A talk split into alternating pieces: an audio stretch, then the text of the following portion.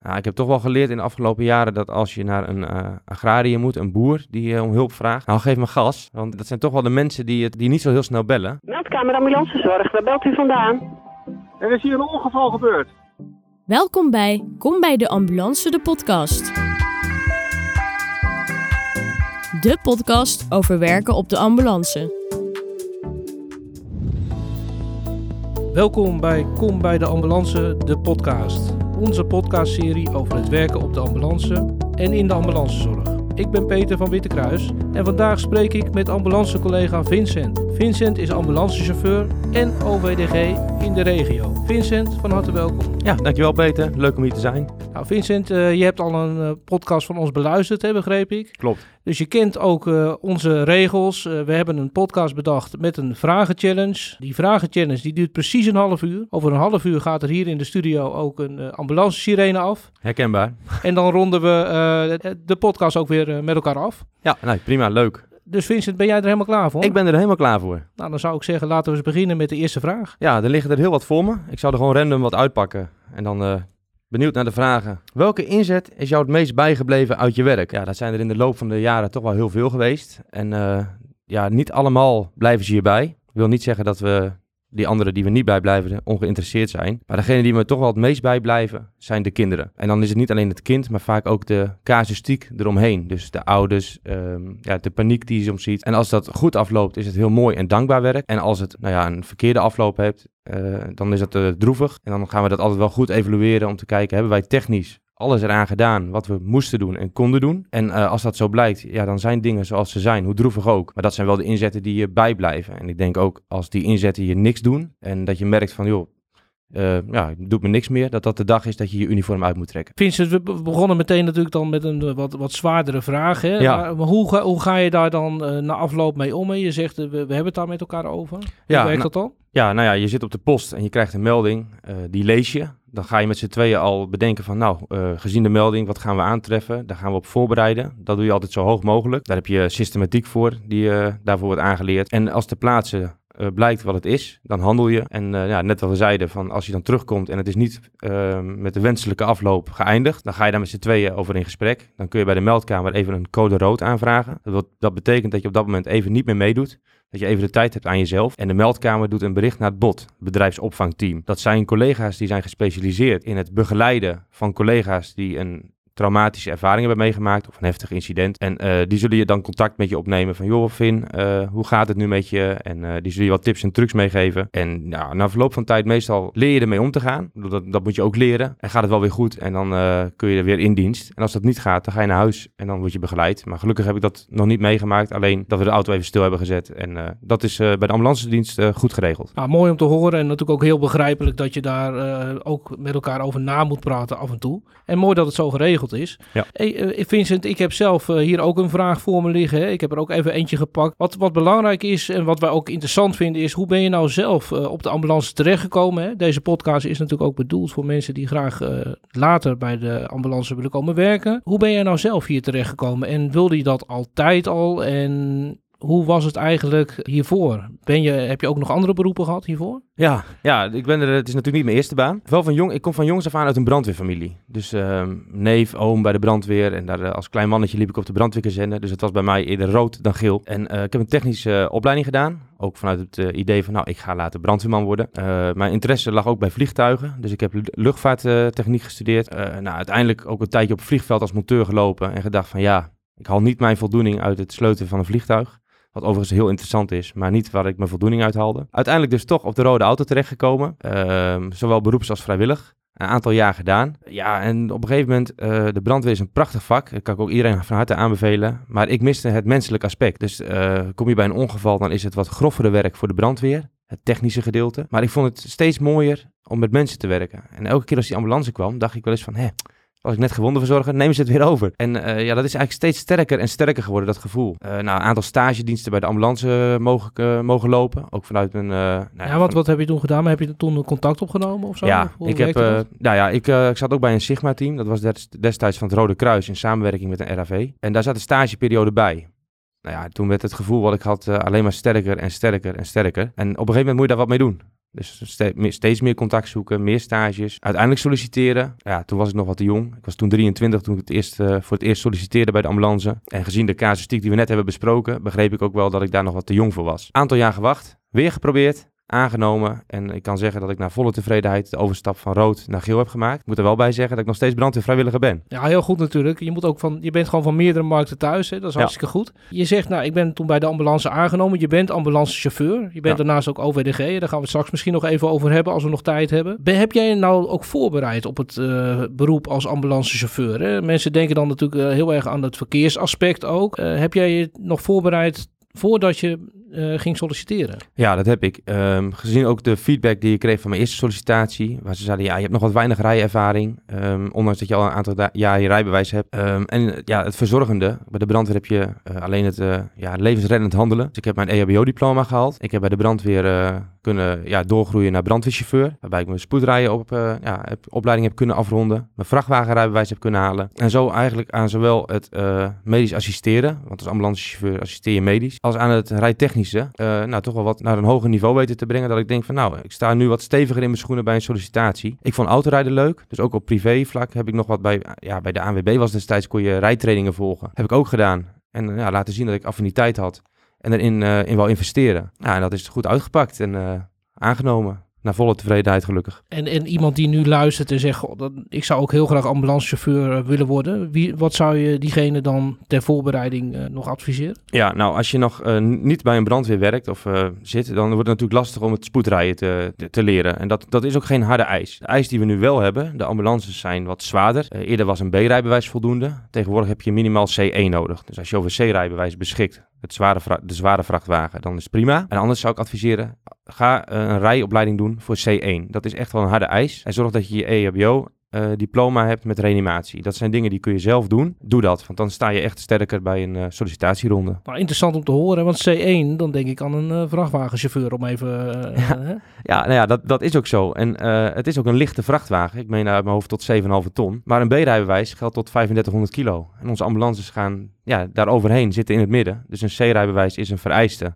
En het spoedrijden en dat soort dingen, dat leer je, ja, dat leer je op het moment dat je de opleiding ingaat. Maar dat C1-rijbewijs is wel een harde eis geworden. Ja, en dat is toch iets waar de mensen dan, eh, als ze dat niet hebben, zelf in moeten investeren. Wat de investering, nou, naar mijn inziens, zeker waard is. Oké, nou Vincent, ik zou zeggen, laten we nog eens een volgende vraag pakken. Ja, ik zal er nog eens even een pakken. Liggen er veel voor me. Hoe ziet een 24-uursdienst eruit? Ja, dat is een leuke. Eh, niet overal hebben ze 24-uursdiensten bij de ambulance dienst. Eh, wij hebben die nog wel. Wij hebben 8, 12 en 24-uursdiensten. En eh, ja, om de vraag terug te komen, hoe ziet die eruit? Nou, wij beginnen om 8 uur 's ochtends. Ik ben meestal een kwartiertje voor die tijd aanwezig. Dan starten we met het controleren van de auto waarop je dienst hebt. De chauffeur doet het, het technisch aspect. Dus die kijkt eigenlijk, zit er schade op? Werken alle lampen? Werken navigatiemiddelen? Is die compleet? En de verpleegkundige doet dat eigenlijk hetzelfde, maar dan achterin op het medisch aspect. En zo lopen we gestructureerd de auto door totdat die inzetbaar is. Meestal is die dat. En dan melden we ons in bij de meldkamer. Eh, dus bijvoorbeeld we zitten op de 0688. Dan melden we de 0688 aanvang 24 uur met mijn collega en Vincent in dit geval tot morgenochtend 8 uur. En dan eh, staan we erbij. En dan gaan we beginnen met onze bakje koffie voor de overdracht. Niet, eh, niet vergeten, dat is altijd heel belangrijk. Heel belangrijk. Ja, heel belangrijk. En daarna beginnen we met postwerkzaamheden. En eh, dat is, eh, ja, bij ons bestaat het uit even wat huishoudelijke taken. Want je leeft er ook in, hè. Het is 24 uur. Eh, een wasje draaien, een post even schoonmaken, bedden opmaken. Ja, en dan hebben we ook nog neventaken. Niet iedereen heeft die, maar de meeste wel. Zo doe ik wagenpark. Dus in de tijd dat we geen rit hebben. Dan eh, ga ik me met wagenpark bezighouden. Andere collega's doen misschien het bot of veilig thuis. En die gaan daarvoor eh, aan de slag. Totdat de pieper gaat en eh, inzet van ons gewenst is. En dan rukken we uit. Dus maar neventaken, dat is iets waar je zelf voor kan kiezen? Of wordt dat onder elkaar verdeeld? Of hoe werkt dat? Ja, neventaken, dat is iets waar je zelf voor kan kiezen. Het is geen verplichting, maar ik denk wel dat het een verrijking is. Eh, je hebt bij de ambulance soms dagen en dan kom je de bus niet, eh, bijna niet op, omdat het gewoon toevallig wat rustiger is. Met name omdat de 24-uursdienst, eh wij hebben ook 8-uursdiensten, die worden wat, eerder ingezet. Maar je hebt dagen, dan kom je de bus niet af. Dus eh, dan is het ook wel goed om die afwisseling te zoeken in die rustige wachturen, om wat te gaan doen. En ik heb gekozen, omdat ik technische achtergrond heb, voor wagenpark. En daarmee hou ik me te- bezig met het reguliere onderhoud, kleine reparaties. ehm, nou ja, de, de bepakking, kijken of alles een beetje klopt. En andere collega's die houden zich bezig met andere taken. En zo vullen we de uurtjes productief in. En dan s'avonds, eh nadat we hebben gegeten, een uurtje of vijf, zes, dan hebben we lekker de tijd aan onszelf. Maar ik denk dat we zo efficiënt de dag indelen en gaat hij ook heel vlot voorbij. Ja, want, want wordt het dan ingedeeld in drie keer acht uur? Of hoe, hoe zit dat dan? Ja, als je 24 uur hebt, heb je uiteraard gewoon een 24 uur aan één gesloten. Waarbij je na 11 uur naar bed gaat. En uh, in je parate uren moet je met een minuut in de auto zitten. In je slaapuren met twee minuten. In ieder geval zo snel mogelijk. En de 8 uursdiensten die beginnen om 7 uur bij ons. Van 7 tot 3. Dan komt er een andere van 3 tot 11. En dan hebben we een nachtdienst van 11 tot uh, 7. En, en, en, en, slapen, hoe gaat dat? Ja, dat... Uh, Lukt dat? Ja, ja nou ja, uh, we officieel mag je niet slapen in een parate dienst. Ik zou niet zeggen dat af en toe even een oog dicht valt op de bank als je zit te wachten. het slapen wordt officieel alleen toegestaan in de 24 uursdienst. En de rest is paraat. En dat geldt ook voor de 12 uursdiensten die we hebben van 7 tot 7. En van 7 tot 7 in de, in de nacht. En ja, af en toe dan doezel je even weg. Maar ja, als de pieper gaat, dan moet je wel met een minuut paraat in de auto zitten. Dat is natuurlijk wel... je wordt ook paraat betaald, dus je moet ook paraat zitten. Nou, je noemt je verschillende soorten diensten, hè? 24 uursdienst, maar ook 8 uursdienst. Ja. Dan heb je natuurlijk ook uh, nachtdienst en, en dagdienst, zal ik maar zeggen. Ja, klopt. Of, je, hebt, je hebt verschillende soorten. Ik hoor vaak mensen die dan toch wel problemen hebben met een nachtdienst of met, met de onregelmatigheid. Hoe ga jij daarmee om? En is dat een probleem of niet? Nou ja, de, de onregelmatigheid, daar, daar kies je gewoon voor als je bij de ambulance gaat werken. We zijn een 24 uur continu bedrijf en uh, dat zit gewoon aan vast. Uh, ik moet zeggen, ik ga er goed mee om. Ik heb er in die zin weinig problemen mee als ik een kort nachtje heb gehad. De collega's, uh, soms op wat oudere leeftijd, die, uh, die merken dat wel als ze een nachtje druk zijn geweest. Ja, en die zullen dan eerder thuis weer even het bed pakken om een paar uurtjes rust te nemen. Zijn er nog tips om, da om daar beter mee om te gaan? Ja, zorg dat je fysiek fit bent. Ik zou wel zorgen, ik bedoel, de ambulance is niet alleen maar zitten. Het is ook sjouwen. Uh, soms moet je echt vol erop. Um, patiënten zo comfortabel mogelijk van het bed op jou bij elkaar krijgen. Kost ook fysiek kracht. En ik denk dat het in alles helpt als je fysiek fit bent. Dat je ook goed een nachtdienst doorkomt en de dag daarna. Ja, ik zou zeggen, laten we naar de volgende vraag gaan. Ja, ik pak er nog eentje uit. Hoe ziet jouw werkplek op de ambulancepost eruit? En wat doe je als je geen inzet hebt met de ambulance? Nou ja, wat ik geen, als ik geen inzet heb, dan hou ik me bezig met neventaken. En een uh, ambulancepost ziet eruit. Ja, we hebben een leefruimte. En de kantine kun je dat zeggen. ja, we noemen het een woonkamer, want ja, er wordt eigenlijk in geleefd. Ja.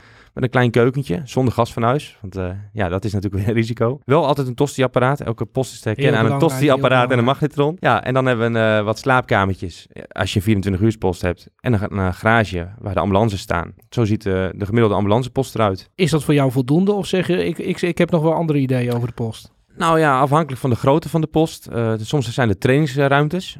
En uh, ja, ik moet zeggen dat het uh, soms ook wel eens heel fijn is als je de uurtjes even met elkaar uh, geen neventaken doet, maar gewoon gaat trainen. Tuurlijk, we hebben verplichte scholingen, maar iedereen weet wel waar zijn sterke en zijn zwakkere punten zijn. En je kan je heel erg optrekken aan collega's waar, ja, die zeggen, joh, dat, is, dat, ligt mij goed om eens gebruik te maken van zo'n ruimte om te gaan trainen. We hebben wel een grote trainingsruimte in, in Zutphen in Noord- en Oost-Gelderland. En op de posten wat kleinere. Maar dat zijn, ja, ik vind het toch altijd wel prettig als er ook een trainingsruimte is die ieder geval gefaciliteerd is dat je met z'n tweeën zo kan trainen. Dat je wat bepaalde casuïstieken weer eventjes kan opvijzelen. En uh, je daarna denkt van ja, ja, voelt goed. Laat me komen. Ja, precies. Dus dan, dan, dan ook de vaardigheden, de medische vaardigheden, medische handelingen. Ja. Die worden dan ook nog uh, door jullie getraind. Ja, die worden ook door ons getraind. Uh, en dan niet alleen op de verplichte tijden, maar ook als het, als het even uitkomt. Ik denk okay. dat dat, ja, het is goed om je bezig te houden met je vak. Ja, mooi. Nou, weer een vraag. Als je één ding mocht veranderen aan je werk, wat zou dat dan zijn? Ja, dat is lastig. Ik, uh, ik vind mijn werk uh, leuk. Ik vind het uh, goed geregeld. Um, wat ik wel merk is, we moeten natuurlijk afgetoetst worden. Dat is heel belangrijk in je medische, met name op het medische vlak en het rijtechnische vlak. En daar komt soms wel wat stukjes stress bij kijken. Het is toch altijd een, een moment voor veel collega's. En ik heb daar de oplossing niet voor. Maar dat... Is dat één keer per jaar of, of een paar nee, keer per jaar? Nee, op een gegeven moment ben je opgeleid. En dan is het één keer in de vijf jaar. En tussentijds heb je nog wel uh, om het jaar je uh, handelingen en dan weer een, uh, een stukje protocollen toetsen. En daar zijn ze wel mee bezig om dat te veranderen. Maar daar zit toch altijd wel een hele formele setting op. Ehm, ik wil geen tribunaal noemen, want dat is het niet. Maar het is wel heel formeel. En ik denk dat het, ja, het zou goed zijn als we daar wat informe informeler mee om kunnen gaan, zodat de druk wat minder voelt, maar waarbij wel de essentie niet uit het oog verloren wordt. Ja, want jij zegt afgetoetst en die, die, die vijf jaar, hè, dus die, die ja. dat moment, ja. Is dat dan ook echt van, joh, je voldoet wel of je voldoet niet? Of, of zit daar wel ruimte in? Nou, dat, dat, dat, ligt eraan. Kijk, een verbandje aanleggen kun je op meerdere manieren. Dat is de ambulance dienst niet zo heel moeilijk in. Als het effectief is, daar kijken wij naar.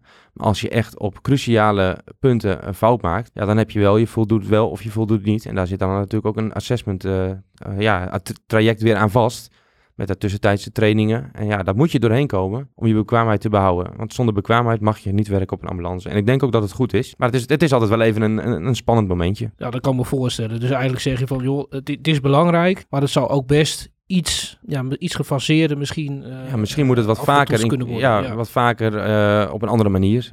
Het, het voelt nu echt als een eh, examen, wat het in zekere zin ook is. Maar eh, dat voelt, ja, het voelt heel formeel en dat is wel lekker als dat wat op een andere manier afgenomen zou kunnen worden. Nou, dat statement is in ieder geval gemaakt in deze Ja, die denk ik, noem hem even op. Vincent. Nou, nu gaan we weer naar de volgende vraag. Hoe schakel je om van wachten op de post naar een spoedrit? Je moet in één keer van relaxen naar volledige focus. Ja, dat klopt. Dat is eh, nou ja, van relaxen naar volledige focus. Ehm, ja, van een dolletje aan de koffietafel tot de melding reanimatie. Laten we het maar even gelijk benoemen. Dat is wel schakelen. Ik moet zeggen, het gaat ons goed af. Het schakelen, dat is gewoon, ja, dat zit bij de ambulance professionals in hun bloed. Maar het is wel even een momentje. Je gaat met z'n tweeën in die auto. Je neemt de melding door. En dan ga je weer, zoals ik net zei, we hebben een, eh, ja, pappen en patten noemen we dat altijd. Hè. Dat is, ehm, ja, Dat, dat staat voor het eh, aanrijdend ga je dan je casuïstiek bekijken. Van joh, hoe, wat zouden we kunnen verwachten? Wat gaan we doen? En ter plaatse doe je dat ook. En, als En, je en dat is, patten? dan gaan we even kijken. Ja, oké, dat moeten we even opzoeken. Nou, dat, even dat, op. dat, dat vragen we nog even een keer zo. Dus je bent al aan het rijden en ondertussen heb je met elkaar, bespreek je met elkaar wat je zou kunnen verwachten. Ja, en dat, dat, dat is het. En als je binnenkomt bij de deur, eh, dan heb je de pad. Ja, dat is in het Engels de Patient Assessment Triangle. Ja. Ehm, ja, dat is gewoon... Wat, wat zie je? Je gaat kijken van, joh, de kleur, ademhaling. ehm, is, zie ik een zieke patiënt of niet? En dan zeg je zorgelijk, niet zorgelijk, spreek je naar elkaar uit. En eh, nou ja, als het niet zorgelijk is, dan kan de druk eraf. Dan hebben we even de tijd om ons te focussen, maar hoeft niet een rambam eh, vol erop. Ja, en op het moment dat het wel eh, zorgelijk is, ja, dan zul je toch wel even moeten doorpakken. En vaak zeggen we tegen elkaar van, eh, oh, even doorpakken. Dan weten wij genoeg, want het is niet de bedoeling dat de patiënt hoort zorgelijk. Zo doe je het in je opleiding wel. Maar je probeert natuurlijk wel op het moment dat jij de Ja, eerste precies. voet tussen de deuren hebt, om wel zorg te bieden en rust te creëren. Hey, heb, je, heb je ook wel eens gehad hè, dat je dan eh, onderweg bent en dat je met elkaar bespreekt van nou, we verwachten dit aan te treffen en dat je toch echt iets heel anders aantreft. En kun je, Oh, ja. kun je eens een, een verhaal met ons delen? Ja, nee, die hebben we wel. Ehm, je, je leest bijvoorbeeld soms hele heftige casuïstieken. Nou, meneer is niet aanspreekbaar, dit en dat. Of eh, voelt zich niet lekker. En een leuk voorbeeld is eh, een mevrouw op de, op de wc. Zou niet goed worden, bleek zien. ehm, ja, slecht aanspreekbaar zijn. Dus wij komen daar met spoed binnen. En eh, wij treffen daaraan een uh, heldere, adequate mevrouw. Ja, wat was de reden dat u had gebeld? Ja, ik kon lastig poepen. En eh, dat was opgelost. En wij kijken elkaar echt aan van, ja, bel je daar 112 voor? Ja. En eh, ja, dat zijn natuurlijk wel, eh, ja, dat je, het is komisch. Het is aan de andere kant zonde van de ambulancecapaciteit. Maar het is natuurlijk ook hoe zo'n melding komt komt binnen. Binnenkomt bij, dan, ja, binnenkomt. Het, eh, het is lang niet altijd eh, zo heftig als het wordt geschetst. Maar een meldkamer moet het doen met de informatie die zij krijgen. En ja, die geven ze hun één op één door aan, de, aan ons. Dus ja, soms is het wel eventjes schakelen. Andersom kan ook. De melding, ah, mevrouw voelt zich niet helemaal lekker. En je komt binnen en die zakt volledig in elkaar. Ja. Dus dat, dat, dat kan ook. Dat mensen, mensen eigenlijk te bescheiden zijn. En, eh, Ja. En eh, ik denk wel, eh, als ik nou kijk naar, wij hebben een heel mooi werkgebied, vind ik zelf. We hebben de stad, we neem bijvoorbeeld Apeldoorn. We hebben de wat kleinere dorpen. ehm, en we hebben de ja, echt wat agrarische sector. Nou, ik heb toch wel geleerd in de afgelopen jaren dat als je naar een eh agrariër moet, een boer die om hulp vraagt, nou geef me gas. Want dat zijn toch wel de mensen die, het, die niet zo heel snel bellen. En hetzelfde geldt voor eh, ja, oudere mensen die, als het heel erg is, bellen ze de dokter. Hè? Die kennen 112 niet, dus die Ja, bellen de dokter. Ja, ja. En dan krijg je een melding van een huisartsenpost. En eh, dat kan ook nog wel eens een keer eh, toch wel serieus zijn. Niet altijd, maar dat zijn toch wel de dingen dat je ja, af en toe even ook moet schakelen op de melding. Dat je denkt, oh, het is anders dan we dachten. Nou Vincent, jij bent natuurlijk heel enthousiast. Hè? Ik zie eh, ook dat je op social media wel eens iets post over Ja. je werk. Ja. Ik heb er zelf natuurlijk ook nog even naar gekeken voordat, ik, voordat we deze podcast gingen doen. Ik zag ook bijvoorbeeld dat jij dingen deelde over ja, iemand waar je dan kwam. En bijvoorbeeld dat, dat jullie dan later bijvoorbeeld die trekker naar huis moesten rijden. Of dat je een, een rollator eh, zelf weg moest rijden. Dat soort dingen. Ja, ja dat klopt. Eh, als je dan bijvoorbeeld zo'n scootmobiel hebt en iemand die valt om de hoek. En de, nou, niet, alle, niet overal waar een ambulance heen gaat, moet ook vervoerd worden. Maar soms is het wel eh, netjes om diegene wel even veilig thuis te brengen, zodat daar eh, de nodige zorg opgestart kan worden. Ja, en als dan als zo'n scootmobiel eh op de zijkant ligt en die is verder nog prima. Ja, dan kiezen we er soms voor om daar even twee blokjes mee, mee om te rijden. Ja. Zodat die die ook thuis heeft staan. Ja, dat is even creatief met... Ja, Ja, maar creatief dat omgaan. Soort, dat soort dingen maak je dus mee. Ja, Eh, ja. Het is echt wel heel divers, denk ik. Ja, dat is ook het mooie. Het is natuurlijk de ambulance op de ALS, dat is eh, acute zorg. Maar juist de diversiteit, eh, dat je de ene keer eh, toch wel hoogwaardige technische medische zorg verleent. Na de, de volgende keer een luisterend oor en alles wat daartussen zit. Ja, dat vind ik gewoon heel erg boeiend aan het werk. En eh, ja, je hebt zoveel verschillende soorten mensen. En het leuke is, omdat je zo'n uniform aan hebt, ze vertrouwen je ook allemaal. Dus ze vertellen je echt alles. Ze weten toch, nou, die mag het toch niet doorvertellen. Maar dat maakt het werk wel heel boeiend. Dus zowel de diversiteit aan meldingen als aan mensen. En eh, ja, ik kan daar helemaal mijn ei in kwijt. Nou, eh, ik zou zeggen, laten we nog eens een vraag doen. We doen er nog één. Hoe ga je om met lastige omstanders? Heb je voorbeelden uit je dagelijkse praktijk? Ja, lastige omstanders, dat is een ruim begrip. Ehm, dat kan zijn van mensen die natuurlijk een, eh, wat hebben gedronken eh, in het uitgaansleven en eh, daar ook absoluut een mening over hebben. Het zijn allemaal EHBO'ers op dat moment en ze willen allemaal helpen. Niet allemaal, maar de meeste. En daar moet je dan wel een beetje, ik denk altijd van geen reactie soms geven is beter. Of maak er een lolletje van.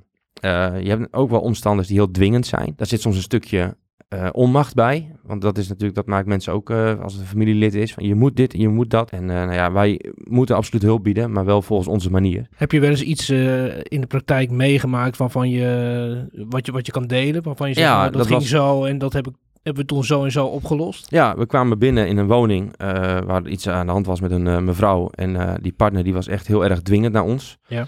Die mevrouw had wel zorg nodig. Er was meer familie in de woning aanwezig. En eh nou, dat was heel duidelijk, die mevrouw moest gewoon met ons mee. Maar die man was hinderlijk aanwezig. Maar het is wel de man. Dus dan kun je twee dingen doen. Je kan ervoor kiezen om eh, ervoor te zorgen dat, eh, nou, dat die man weggaat. Maar ik denk niet dat je daar het probleem mee oplost. Daar ga je wat mee creëren en eh, moeten we niet willen. Toen heb ik een infuuszak gepakt en gezegd, nou deze hebben we zo meteen misschien nodig. Maar het is heel belangrijk dat die om de minuut wordt omgedraaid. Ik heb die man onderdeel laten uitmaken van de hulpverlening. En die man heeft toen, ja, die voelde zich op dat moment heel belangrijk. Die stuurde de rest van de familie weg. En die heeft keurig om de minuut die infuuszak omgedraaid. Ja, wat natuurlijk totaal geen meerwaarde heeft. Maar wel, hij voelde zich betrokken.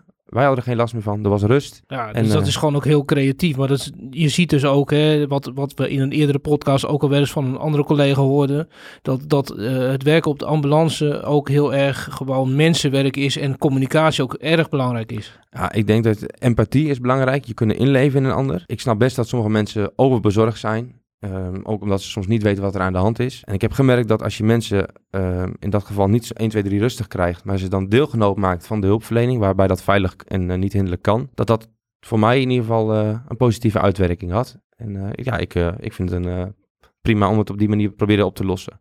Kijk, op het moment dat er echt agressie komt, dat is wat anders. Nee, dat is helder, maar, maar ja. dat, Dat is natuurlijk begrijpelijk. ja, dat is echt een andere, andere klasse waar je dan in zit. Ja. En dan eh, moet je daar ook zo snel mogelijk zien eh, uit weg te komen. Nou Vincent, eh, we gaan snel door, want je zit vol met, met, met verhalen en enthousiasme. Dus we willen eigenlijk niks missen. Nee, nou ja, kun je alle hulpverleningsvoertuigen of ambulancevoertuigen besturen? Nou, ik heb mijn C-rijbewijs. Ik kan in principe alle auto's met vier wielen besturen. Ik heb geen motorrijbewijs. Ehm, er zijn natuurlijk ook rapid responders, verpleegkundigen die alleen Ja, werken. ja. Die op een motor eh, rijden. Nou, die mag ik niet besturen. Maar alle auto's met, eh, die voorzien zijn van vier wielen, dat, eh, daar mag ik mee rijden. Oké, Komt, er eens, eh, komt het wel eens voor dat mensen erachter komen dat ze niet geschikt zijn voor het ambulancevak of wat anders gaan doen? Hoe komt dat? Ja, dat? Ja, dat komt wel eens voor. En als ik dan kijk van wanneer ik dat meegemaakt heb, is dat bij de opleiding. Zowel bij de chauffeurs als bij de verpleegkundigen. Ehm, we begonnen met 12 man en we hadden met 8 man de uitstreep behaald. Eh, dat komt voor omdat eh, bij niet iedereen het rijtechnische onder de knie had. Dat en, wat hebben ze dan bijvoorbeeld niet onder de knie? Ja, toch niet het inzicht in het verkeer om vlot en soepel met een ambulance te kunnen rijden. Eh, hard rijden kan iedereen, maar het eh, veilig en vlot rijden en dan dat soepel houden, dat vraagt eh, toch wel enige inzicht. Waar heeft dat mee te maken dan? Ja, ik denk toch met je rij, rij, rijervaring daarvoor. Dus dat is misschien toch te snel gesolliciteerd hebben. En bij verpleegkundigen, eh, ja, sommigen schrokken van de, oeh, ik heb toch wel erg veel verantwoording. Ja, dat klopt, want een verpleegkundige in het ziekenhuis kan altijd terugvallen direct op een arts. En hier maken ze zelf de beslissingen. En één verpleegkundige die zei, ja, ik, ehm, ik mis het langdurig patiëntencontact. Nou, wij zijn natuurlijk wel de ambulance dienst. En dat is in principe kortdurend patiëntencontact. En eh, ja, dus niet iedereen is geschikt voor het vak. Maar nogmaals, de meesten die er doorheen komen, die eh, blijven allemaal eh, lang zitten. En dat is omdat het werk gewoon prachtig is. Nou, mooi om te horen, Vincent. Even kijken hoor. Neemt een ambulance altijd, of mag een ambulance altijd door het rode stoplicht rijden? Nou, dat antwoord is nee, dat mag niet altijd. Ehm, dat mag alleen bij de A1-meldingen of A2 OGS. In ieder geval waarbij, de waarbij het zwaailicht, het blauwe zwaailicht en de sirene aanstaan. En dan moet dat ook nog veilig kunnen gebeuren. Ehm, dus ja, nee, het mag niet altijd. Het mag alleen als de, de patiënt daarom vraagt en dat we met eh, een A1 of A2 OGS-urgentie rijden. En eh, dat moet veilig kunnen. En dan moet het ook nog volgens voorschriften dat het niet harder mag dan 20 km per uur. Ja, dit was een vraag die is eh, ingestuurd. Die wordt natuurlijk heel vaak eh, aan Ja. jou gesteld. Ja. Want hoe is het nou eh, als jij op verjaardagen zit? Wat, welke vragen krijg jij nou altijd? Of wat, wat zijn nou aannames? Hè? Zoals ze over alle beroepen wel aannames hebben. Die Ja. volgens jou eigenlijk in de praktijk meestal niet kloppen. Nee, nou, de mensen die denken vaak dat mijn werk uit bloed bestaat. En als ik dan zeg, nou ja, dat is een, eh, een klein onderdeel van. Ja. Eh, het, eh, ja, ik kan het niet smakelijker maken, maar het is meer ontlasting en overgeefsel, braaksel, dan bloed. En dan kijken ze je wel eens aan. Ik zeg, Ja, maar dat, het zijn niet alleen de ongevallen. We komen bij heel veel zieke mensen en dat soort dingen. Dus dat is een beeld wat niet altijd klopt. En ze vragen vaak van, ja, wat is nou het heftigste of het ergste wat je hebt meegemaakt? Ja. Nou, dat is niet altijd leuk om over te vertellen. En soms Nee, zeg ik dat van, joh, als je vannacht ja. nog wil slapen, dan zal ik het dan gewoon niet vertellen. En dan kijken ze meestal van, oh ja, dat is misschien niet de beste vraag voor op een verjaardag. Nee, precies. Dat begrijp ik. Dat, dat maakt het soms erg zwaar natuurlijk. Ja, het is, eh, het is niet altijd eh, ellende van anderen. Eh, nou, in die zin, is anders, je ziet ze niet op hun beste. Maar word jij, word jij wel, wat ik me kan voorstellen, iets meer als buitenstaander, dat je toch wel vaak als een soort held gezien wordt. Klopt dat? Ja, ik denk dat held, eh, ik- ja, held, ik, ik Tussen denk niet- aanhalingstekens ja, natuurlijk. Nou ja, het is een, een dankbaar beroep, denk ik. En, eh, waar, eh, waar veel respect van uitgaat. Ik vind mezelf geen held. Ik denk dat geen één collega van ons zegt, een ik ben een held. Ehm, nee, wij werken graag met mensen in de hulpverlening. En ja, daarbij zie je dingen die je liever niet ziet. Ik vind ook, wat je niet hoeft te zien, moet je vooral niet zien. Dat is netvliesbevuiling. Ehm, nee, geen held, maar ehm, ja, wel dankbaar. Heel mooi. Heel Ja, mooi ik hou, eh, eh, om, om, zowel, om dat eh, zo eh, te formuleren ook, denk ik. Ja, ik denk dat het werk je niet alleen salaris oplevert, maar ook een stukje dankbaarheid en eh, voldoening. En dat is ook heel belangrijk, dat je voldoening uit je werk haalt. Even kijken, we hebben weer een vraag. Je ziet in je werk wat er allemaal mis kan gaan. Ben je daardoor zelf ook voorzichtiger in je eigen leven? En kun je een voorbeeld geven? Ja, nou ja, dat, dat is absoluut waar. Je ziet de kwetsbaarheid van de mens. En ehm, dat kan zowel door interne problematiek, ziektes, als door een eh, val met de fiets zijn. Ja, ik denk wel dat, dat ik soms wel eens iets nadenk van, joh, is dat nou handig om te doen?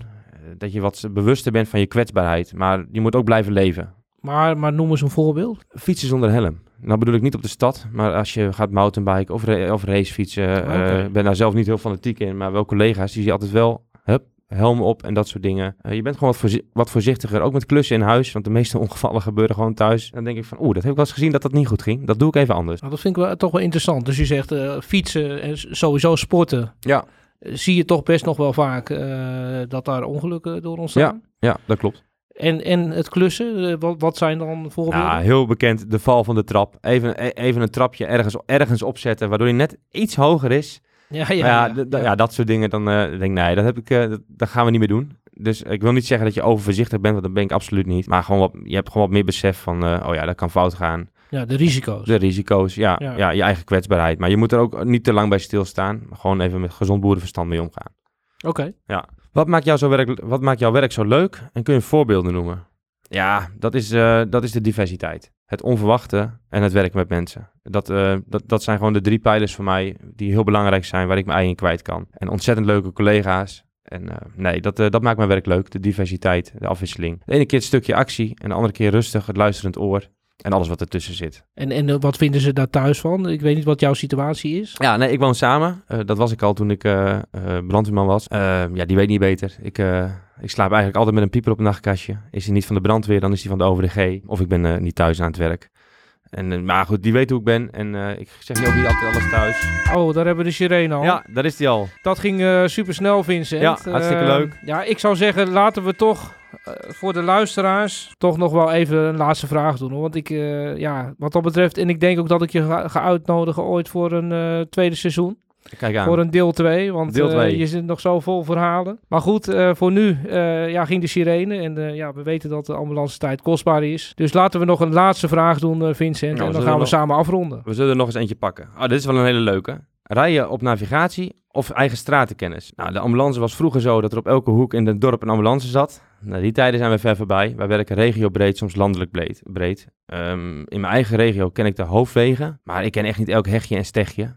En daar hebben wij een navigatiesysteem voor. Eh, als er een melding binnenkomt, schiet de meldkamer de melding in met medisch klapblok, maar ook het adres. Dus we accepteren het adres. We kijken even of de, logi- of de route is, ja, zoals die weergegeven wordt, wel de logischste is. En of het wel de snelste is.